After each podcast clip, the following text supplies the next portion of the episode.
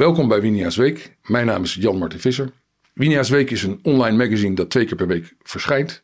Um, Winia's Week publiceert ook uh, video's en podcasts. Die kunt u terugkijken op YouTube en op Spotify.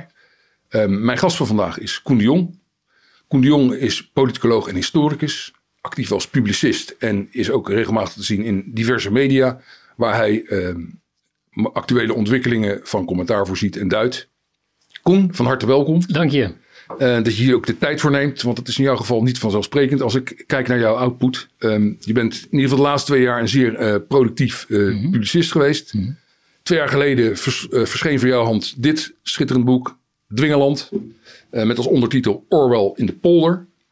een boek waarin jij Orwelliaanse tendensen bespeurt in de ontwikkeling van onze maatschappij. Mm -hmm. Waarin de regering of de, de machthebbers, zal ik maar zeggen, steeds meer grip op de onderdanen proberen te krijgen. Door um, ja, precies te weten wat ze denken en uh, wat ze doen. Uh, dat is niet het boek uh, wat we vandaag zullen behandelen. Vandaag hebben we het over Wokeland. Mm -hmm. Een boek dat je eind 2022 publiceerde. En dat de ondertitel heeft hoe een radia radicale voorhoede vat kreeg op de samenleving. Um, voordat we daar uh, diep induiken, uh, kan ik toch niet de verleiding um, weerstaan om even van jouw kwaliteit als duider um, gebruik te maken. En juist voor te leggen van uh, we hebben een, denk ik, een electorale aardverschuiving meegemaakt de afgelopen mm -hmm. dagen. Mm -hmm. ten faveur van een partij BBB die, wat mij betreft, niet echt een, niet, niet de meest woke partij van Nederland is, to say the least. Um, kunnen we daar ook iets in zien over hoe grote gedeelten van de Nederlandse bevolking denken over het wokisme en over het woke denken? Hoe, hoe zie jij dat? Ik denk dat dat uh, via via is, dat je dat moet zien. Uh, kijk, er is inderdaad een electorale aardverschuiving geweest. En die is in, zeg maar, in het nadeel van de zittende macht en ook van de partijen en groeperingen rondom de zittende macht. Waaronder dus de, de constructieve oppositie, maar ook uh, vele instituten en ook vele delen van de media die het verhaal van Rutte 4 en de partij daaromheen eigenlijk altijd uitdragen en delen. En daar hoort bij, bij dat verhaal van Rutte 4 en de partij daaromheen, en dat het woken wereldbeeld wordt uitgedragen.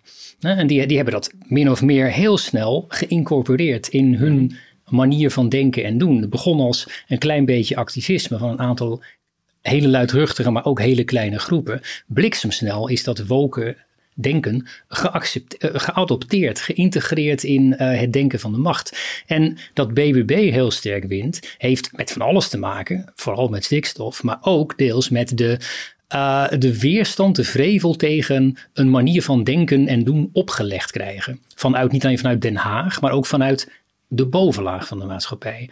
Die, mensen die het goed hebben. Hè?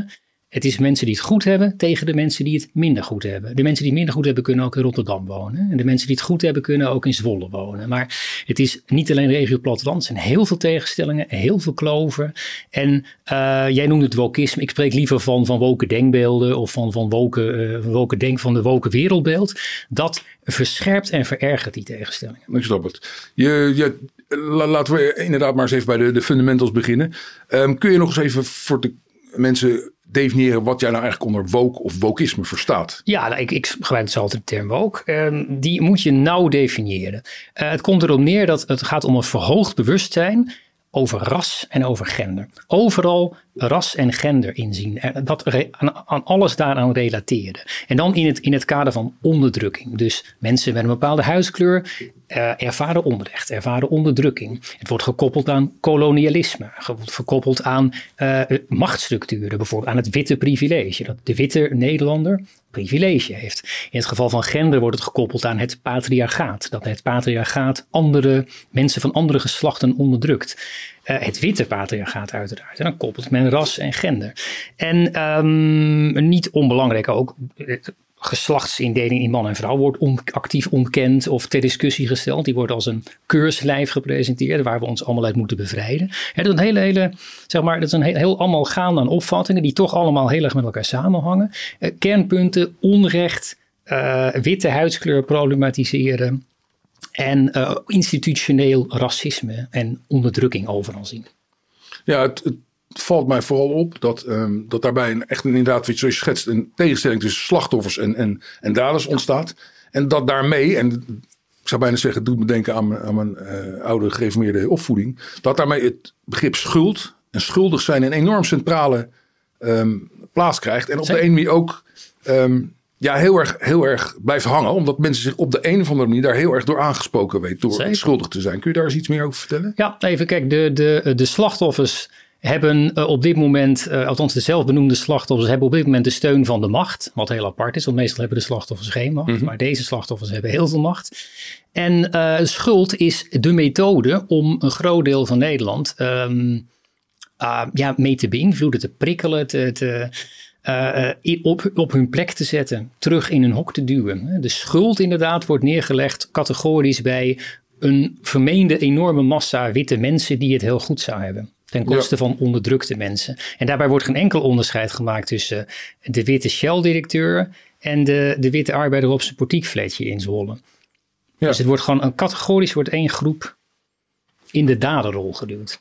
Ja, en wat me daarbij opvalt is, en jij memoreert daar een, een, klein incidentje eh, over in je boek. ehm, maar het lijkt, het lijkt wel alsof dat, dat schuld, je hoeft niet eens dader te zijn om schuldig te zijn. Zeker.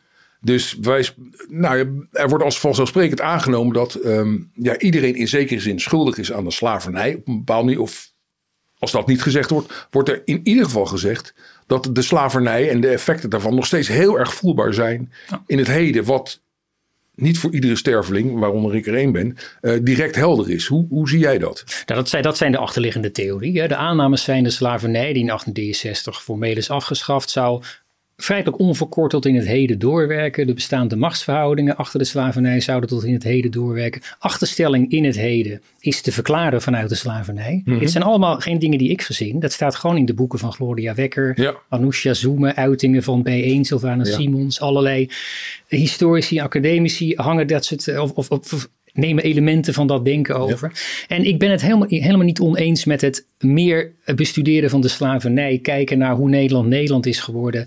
Wat zit er al in, wat, eh, mondiale verhoudingen. Neem het allemaal maar mee. Maar ga niet één op één een irrationele theorie eh, op de realiteit plakken. Dus de, de- daar, ben ik dus, daar ben ik dus tegen. Ik ben tegen hele simplistische verklaringen van slavernij, onderdrukking. Eh, oplossing is eh, witte mensen moeten iets anders. Kijk, en het, het doet het geen recht aan de werkelijkheid. Maar ehm, die, die schuldenverklaring is ook collectief, zeg maar. Er wordt heel erg in collectieven gedacht, in, in, in woke denkbeelden. Terwijl individualisme in principe is waar we, vind ik, vanuit zouden moeten gaan. Dat is ook de kern van liberaal denken. Dus ik vind woke niet zo liberaal.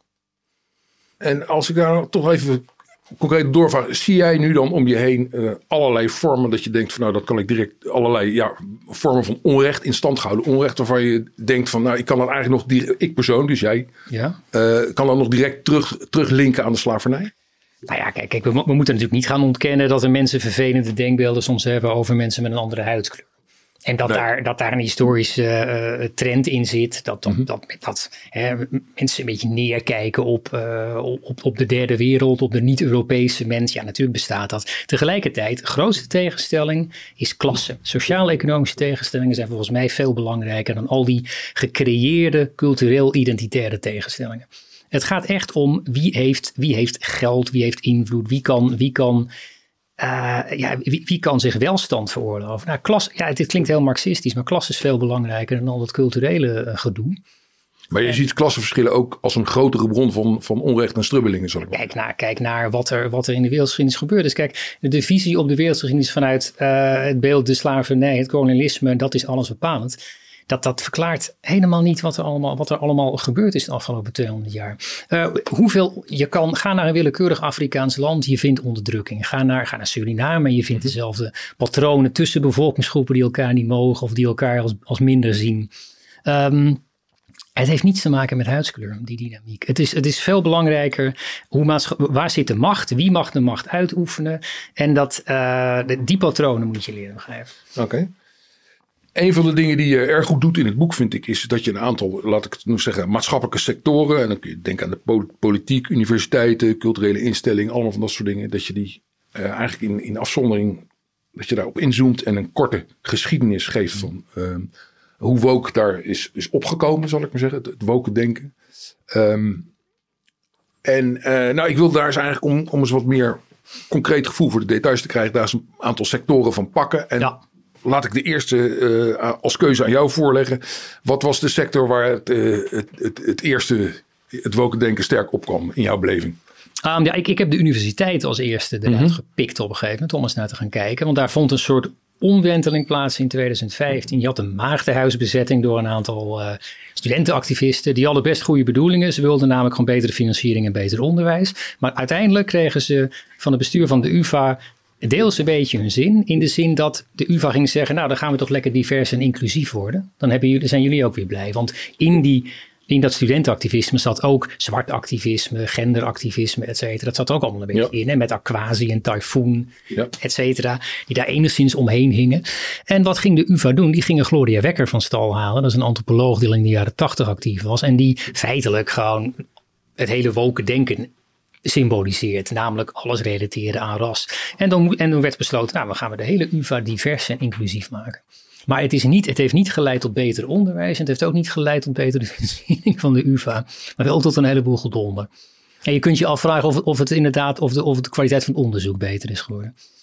En zijn, recentelijk hebben een aantal, uh, of in ieder geval twee uh, rectors uh, van de grote universiteit Utrecht en de UvA, meen ik, zich min of meer kritisch uitgelaten over, over kritisch uitgelaten, is misschien te sterk gezegd, maar hebben, hebben toegezegd om de, de, de, de invloed van woke op onder andere de academische vrijheid mhm. wat nader te bekijken. Ja.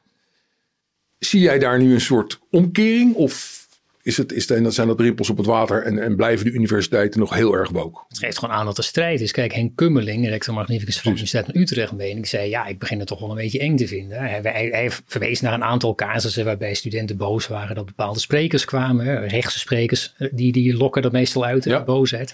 Maar Kummerling zei ook, ja, het is gewoon absurd als je, uh, um, als je niet vrijuit zou kunnen discussiëren over theorieën, ideeën en, en, en verschillende visies op bijvoorbeeld filosofie en geschiedenis. En dat is, zit vooral in de alfa-wetenschap. Mm Er wordt enorm, enorm gedramd één richting uit in bepaalde vakgroepen. En Kummeling had gewoon gelijk, maar kreeg natuurlijk een enorme bak zooi over zich heen. Zoals het gaat, ja. Terwijl er toch iemand is met heel veel macht, maar ja, dan ben je ook niet gevrijwaard nee. kritiek natuurlijk. Nee, ook het, het gevaar van ongecanceld te worden bedreigt ook hem. Nou, hij zit er nog hoor, maar ja, hij, heeft hij is er niet uitgegooid. Maar, nee. En, en erg algemene vraag, misschien kun je er toch iets van zeggen. Schat jij nou de universiteit in algemene zin in als behoorlijk verwookt? Of is dat uh, voorrecht aan een enkele universiteit? Uh, Kijk, het scheelt per universiteit. UvA en VU zijn er het sterkst in, zitten allebei in Amsterdam. Uh, Utrecht ook al een beetje. Utrecht University College, een Engelstalige opleiding. Dat is, dat is typisch omdat er heel veel Anglo-Saxische studenten zitten. Die nemen dat hele ideeënpakket gewoon mee uit de VS en die gaan het dan hier ook uh, opleggen of, of, introduceren. Maar zelfs in Maastricht hadden we een casus waarbij uh, een boze actiegroep uh, niet te eens was met de omschrijving van vrouwen in het universiteitsblad. En door heel veel tamtam en lawaai te maken, ging er uiteindelijk toch weer een artikel uit. Of werd er, werd, werd er, trok het bestuur zich dat aan en ging, ging meeplooien. Dus als je maar herrie maakt, dan bereik je wat. Maar het is zeker niet alleen de universiteit waar we ook speelden. Het is veel meer. Nee, nee, nee. Nou, we hebben nog een aantal sectoren waar we even langs zullen gaan. Uh, bijvoorbeeld de politiek. Um, ja, maar dat is niet echt een sector, vind ik, de politiek. Nee, nou, ja. een aandachtsgebied. Ja, ja, ja, vat dat niet al te, al te, al te streng op. Um, maar wel een gebied waar het ja, min of meer een standaard lijkt te zijn. Maar misschien kun je daar eens iets over vertellen. Mm. Ik, ja, standaard zou ik niet willen zeggen, want niet alle politieke partijen zijn woke. Maar kijk, B1 is natuurlijk de ultieme woke partij. Dat is de Critical Social Justice Theory in ja, school. Maar dat heeft één zetel. En ik denk dat een plafond twee zetels is. Maar het zal niet veel meer worden. Tegelijk hebben we wel een aantal partijen die het heel erg hebben opgepakt. GroenLinks, D66, Volt. En ook steeds veel meer de PvdA. Die nu in fusie zijn met GroenLinks. En mijn theorie is dat GroenLinks de Partij van de Arbeid gaat opeten en gewoon het netwerk, uh, het netwerk gaat gebruiken. En dat PvdA finito is, maar dat is mijn, dat is mijn We gaan het zien. Ja, maar die hebben heel erg veel aandacht gegeven aan woke denkbeelden, aan woke activisten, aan, aan Sylvana Simons, aan Aquasi, aan de Black Archives, aan Kick Zwarte Piet, you name it. En hebben eigenlijk heel veel van hun wensen in beleid en wetten verheven. En dan kun je toch wel zeggen dat het heel veel invloed heeft. Tegelijk VVD, CDA uh, en de rechtspartijen hebben er eigenlijk niks mee. Maar je ziet wel, VVD en CDA zitten in een kabinet met D66. Ze hebben GroenLinks nodig voor meerdere reden. En ze leveren in op die culturele dingen, die cultureel-identitaire dingen. En dan hebben zij natuurlijk hun sociaal-economische agenda die ze kunnen van de exact.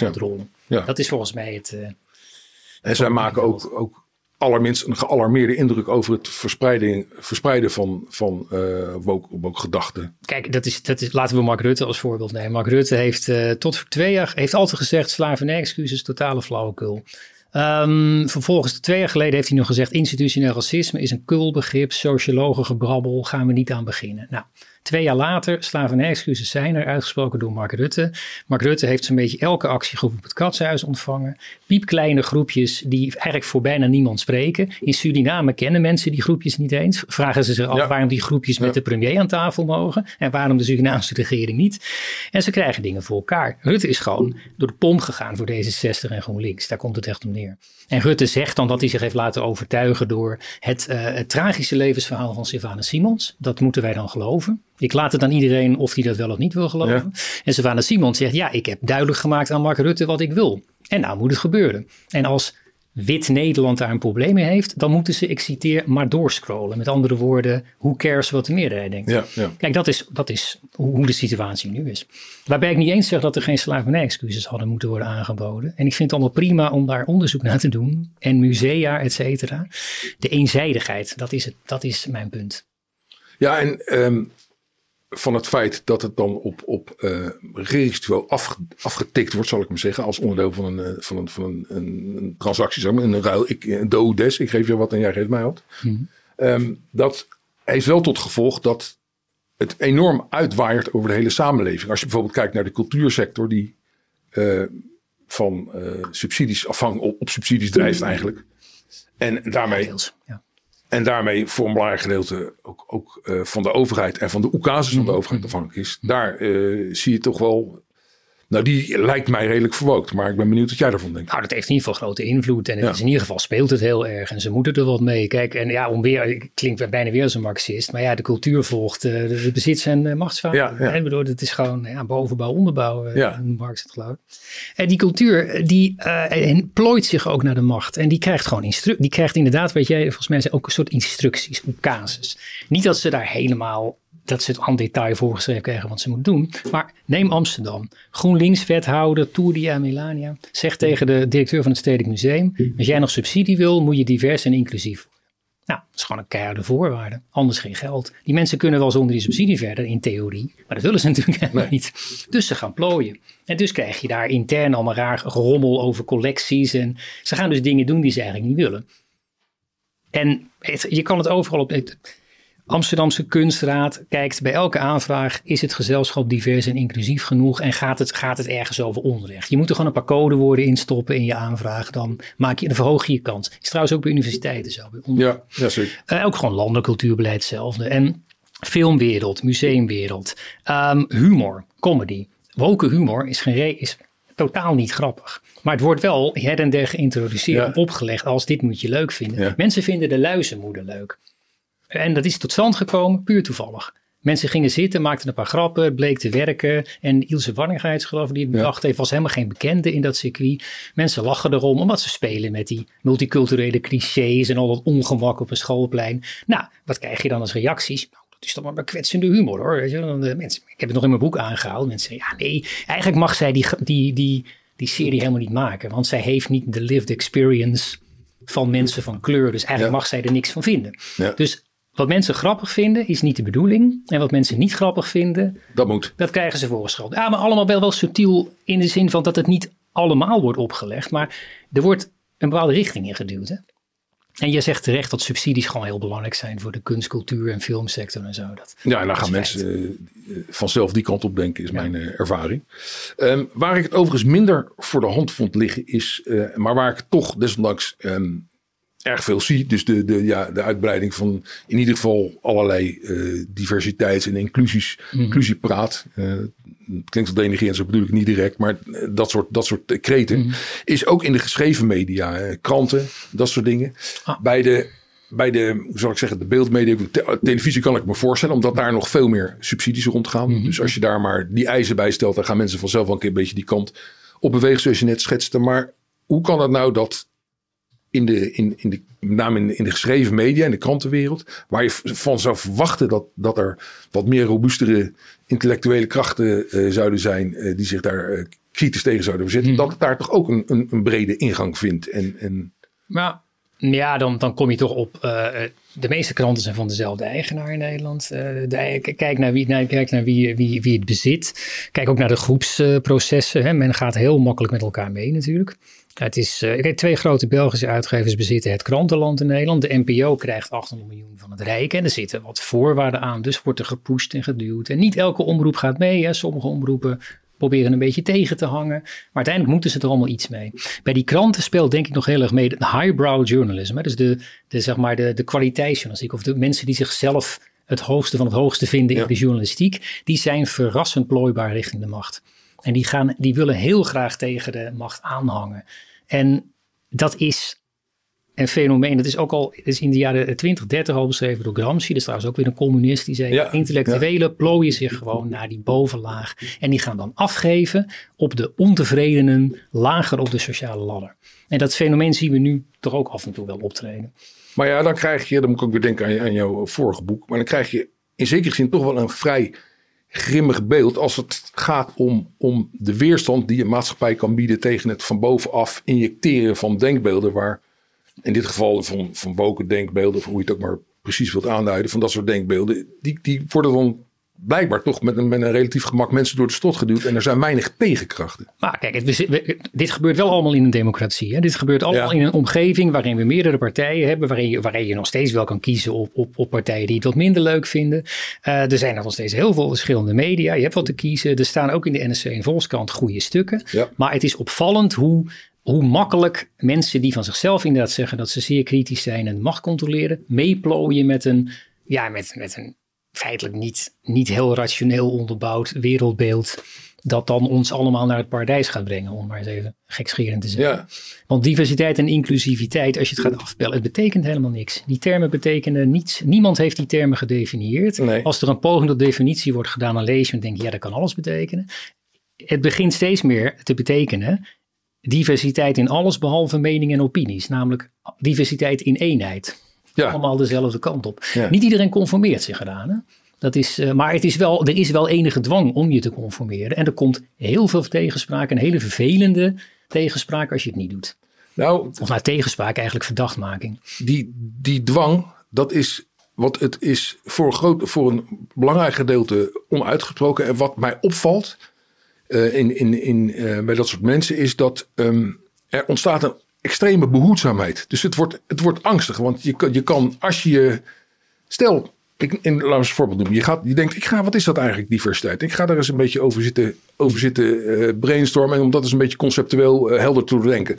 Voor je het weet, word je in een hele verdachte hoek gezet. En ben je een soort antikracht. En ja, kun je het wel vergeten als het, als het even mm tegen je inwerkt zie, en dat vind ik bijna nog gevaarlijker dan, dan, dan expliciete verboden of voorschriften. De zachte dwang is ook heel effectief. Niemand wil uitgesloten worden van zijn omgeving. dat is heel, heel erg vervelend. Ja. maar ook van zijn sociale omgeving en zijn, en zijn mooie positie. Zijn, zijn plekje op de intellectuele apenrots, you name it. Hè. Dat is allemaal, kan allemaal heel erg vervelend zijn. Vergeet niet dat Gloria Wekker al schreef, en Sylvana Simons zegt dat ook regelmatig, dat kijk, Gloria Wekker zei, je kan de blanke, witte mensen, noemt zij het uiteraard, kan je op hun schuldgevoel raken. Mhm. ze, ze, denken dat ze onschuldig zijn, maar dat zijn ze niet. En je moet ze dat laten, je moet dat activeren, dat latente schuldgevoel.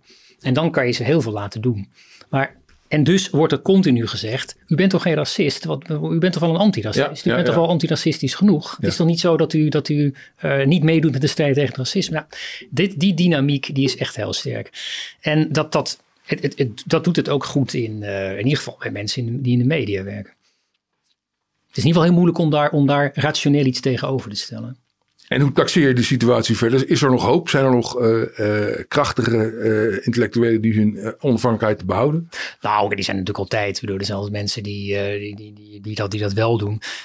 maar is er nog hoop? Ja, natuurlijk. Kijk, mijn, hele, mijn hele boek is, is niet van, oh jee. Kijk, rechtse slachtoffercultuur, daar heb ik ook een enorme pesttekel aan. Van mensen die zeggen, ja, het is allemaal verschrikkelijk en we worden allemaal dit en dat. Of wat heeft dat voor zin? Of slachtoffercultuur in het algemeen, hoeft niet eens rechts te zijn. Maar wat heeft het voor zin om te gaan zeggen dat, alles, dat, uh, dat, dat je niks meer mag zeggen? Dat is namelijk helemaal niet waar. Want je leeft in een democratie, je hebt nog altijd de rechtsstaat. Alleen je moet het wel durven. En uh, ik, ik, heb, ik ben zelfs vrij hoopvol gestemd dat deze vrij irrationele en ook hele oppervlakkige beweging over een paar jaar te, tegen behoorlijk veel uh, weerstand gaat aanlopen. En ook tegen zijn eigen contradicties gaat aanlopen. Ja. En laat die discussie maar lekker beginnen. Dat zal soms een beetje onprettig worden, vermoed ik. Ja. maar vergeet niet dat ze vooral door de politiek gebruikt worden voor eigen doeleinden. En politici zijn zeer vluchtig. Ze kunnen worden weggestemd. Ze kunnen ook van mening veranderen. Ze kunnen opeens andere mensen gaan sponsoren. Ja, ja. Er is geen enkele garantie dat over drie jaar de hele politiek nog praten over, de, over slavernij gerelateerde zaken of, of, of enorm inzetten op allerlei zaken als, als uh, de transgenderwetgeving, waar ik overigens ook weer helemaal niet per se tegen ben. Maar het wordt enorm breed en groot gemaakt. Oké. Laten we tot slot uh, van onze tocht door de maatschappij nog één organisatie uh, nemen waar ik het echt niet van verwacht had. En dat is de politie. Ja.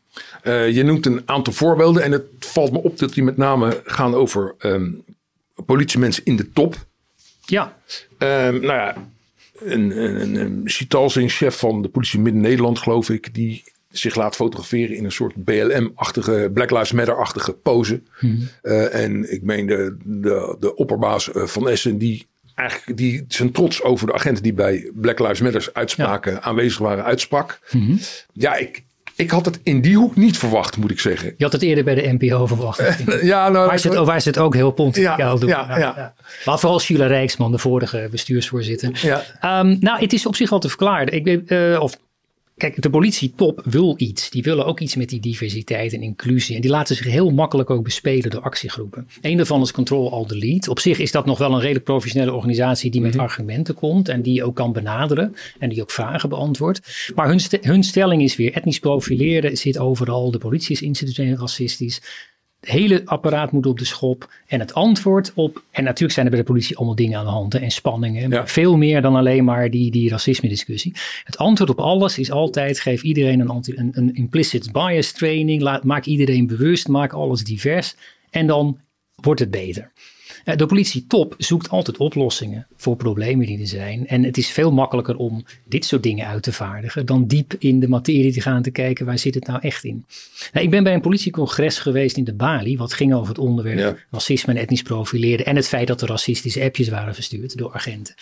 Ja, en, en Sietelsing was er ook. En toen, ehm, ik heb hem nog gevraagd van joh, al die boze reacties op die foto's, wat, eh, ja, wat vond je ervan? En hij, ja, hij vond het overdreven. Hij zei dat het gewoon een spontane actie van hemzelf was. Waar hij op dat moment zeg maar, van vond dat hij dat moest doen. Hij had nooit gedacht dat hij zelf reacties zou krijgen op Ja. LinkedIn. En hij zei, ja, ik heb ook een keer met een, met een boer uit, uit de regio waar ik woon op de foto gestaan. Als politieagent. Hè? Ook om te zeggen, we zijn niet tegen de boeren.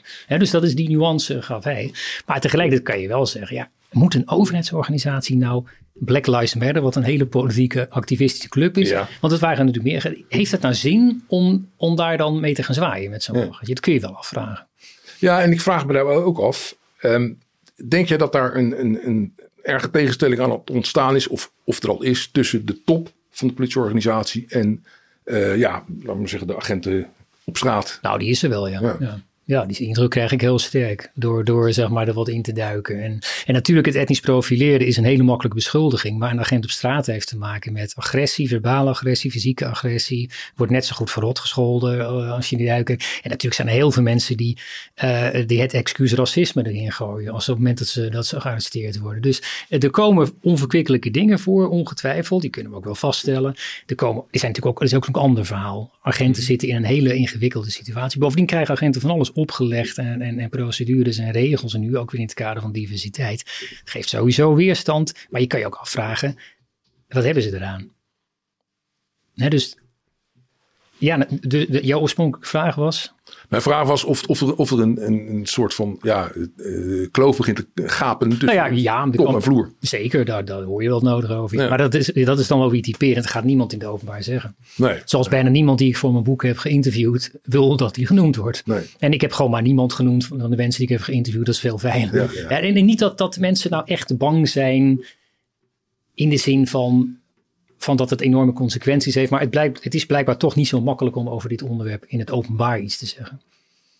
Dat gezegd hebben, als we nou dat, ik zal niet zeggen het slagveld, maar als het veld een beetje overzien, eh, dan word ik er persoonlijk eh, niet in alle opzichten even blij van, Ehm, omdat het soms tamelijk onoverbrugbaar eh, lijkt. Ik, en dan Ja. bedoel ik de, de, de, de, de tegenstelling tussen de, de echt woke mensen en de mensen die dat niet zijn. Ja. En nou, ik, ik weet van mensen die zich vroeger, ehm, eh, ja, die zich niet, niet, niet heel erg veel van rassenverschillen eh, eh, bewust waren, dat die juist door dat voortdurende getamboureer op de verschillen op de schuld, eh, ja, een soort van, ja, zich daar in een, op een negatieve manier nu wel van bewust zijn. Dat ze heel erg op hun hoede bleuken zijn. En dat het niet per se prettig is. En ik vraag me af, en ik, ik vraag me met name af hoe jij dat ziet.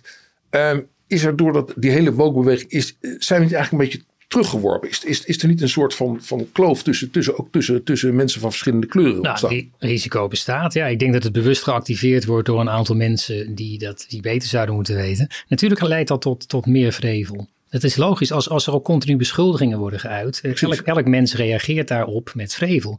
Kijk, de, als het gaat om. Ik, het is niet onoverbrugbaar allemaal, want ik geloof. De, Jij gaat nooit Aquasi bereiken of Jerry Afridi of Sylvana Simons of eh, de mensen van Kick-Out Zwarte Piet. Dat kun je vergeten dat jij daar een goed gesprek mee kan denk het voeren. ook. Dat gaat niet gebeuren. Ja. Maar dat zijn echt de aanjagers. Dat is dat clubje, clubje wat ik, die voorhoede, die woke voorhoede die we op de Ja. voorpagina hebben gezet. Die paar politici die er nu, als, die dit nu zeg maar sponsoren voor hun eigen doeleinden. Dan kan je, ja, daar kun je nu ook geen gesprek mee voeren. Maar dat is eindig. Hè? Politici die, die, die, gaan weer, die gaan weer zwabberen andere kanten op Ja. in de toekomst. Ja. Het kan allemaal, allemaal veranderen. Eh, ik weet niet, heb jij, heb jij het idee dat, je, dat het moeilijk is om met andere bevolkingsgroepen te communiceren? Als het niet over politiek gaat en... eh, Nou, met, met, met zwarte mensen hangt nogmaals, het zijn mensen en dus individuen, dus de algemene regels zijn moeilijk te geven. Maar is het er niet, vind ik, is het er niet makkelijker op geworden? Oké. Al was het maar door de gevoeligheden waar je je van bewust bent. Je bent ook, de, er zijn allemaal, je, zegt, je zegt ook ergens in je boek, en dat betrek je dan primair op eh, mensen die niet hoog opgeleid zijn, zoals dat zo dan heet, dat er een heel web van nieuwe codes en gevoeligheden en dingen die je moet weten en die je wel Ja. niet kunt zeggen, ehm, is opgespannen, waardoor je ja, heel behoedzaam of niet beweegt. Nou, ik, ik ben dan wel hoger opgeleid, maar ik, ik, eh, ik ken die gevoeligheden ook en ik ben daar ook niet altijd los op. Dus ik, soms dan denk je, nou dan liever niet dan dat ik een fout maak of dat ik van allerlei nare dingen beschuldigd word. Dus, Dat, dat gaat zeker spelen. Eh, De terughoudendheid om nog over dingen te praten. Misschien Misschien ook wel meer afstand tussen bevolkingsgroepen. Dat is altijd, eh, inderdaad terecht. Bevolkingsgroepen is ook alweer zo clichématig om in bevolkingsgroepen te spreken. Dat moeten we juist eigenlijk niet doen. Maar Nee. goed, dat doen deze activisten juist heel bewust wel. En die willen ook dat jij je onprettig gaat voelen. Dat is ook precies de bedoeling. Ehm, kijk, eh, je noemde BBB aan het begin. Ja. De- dat is een van de. Dat is precies zo.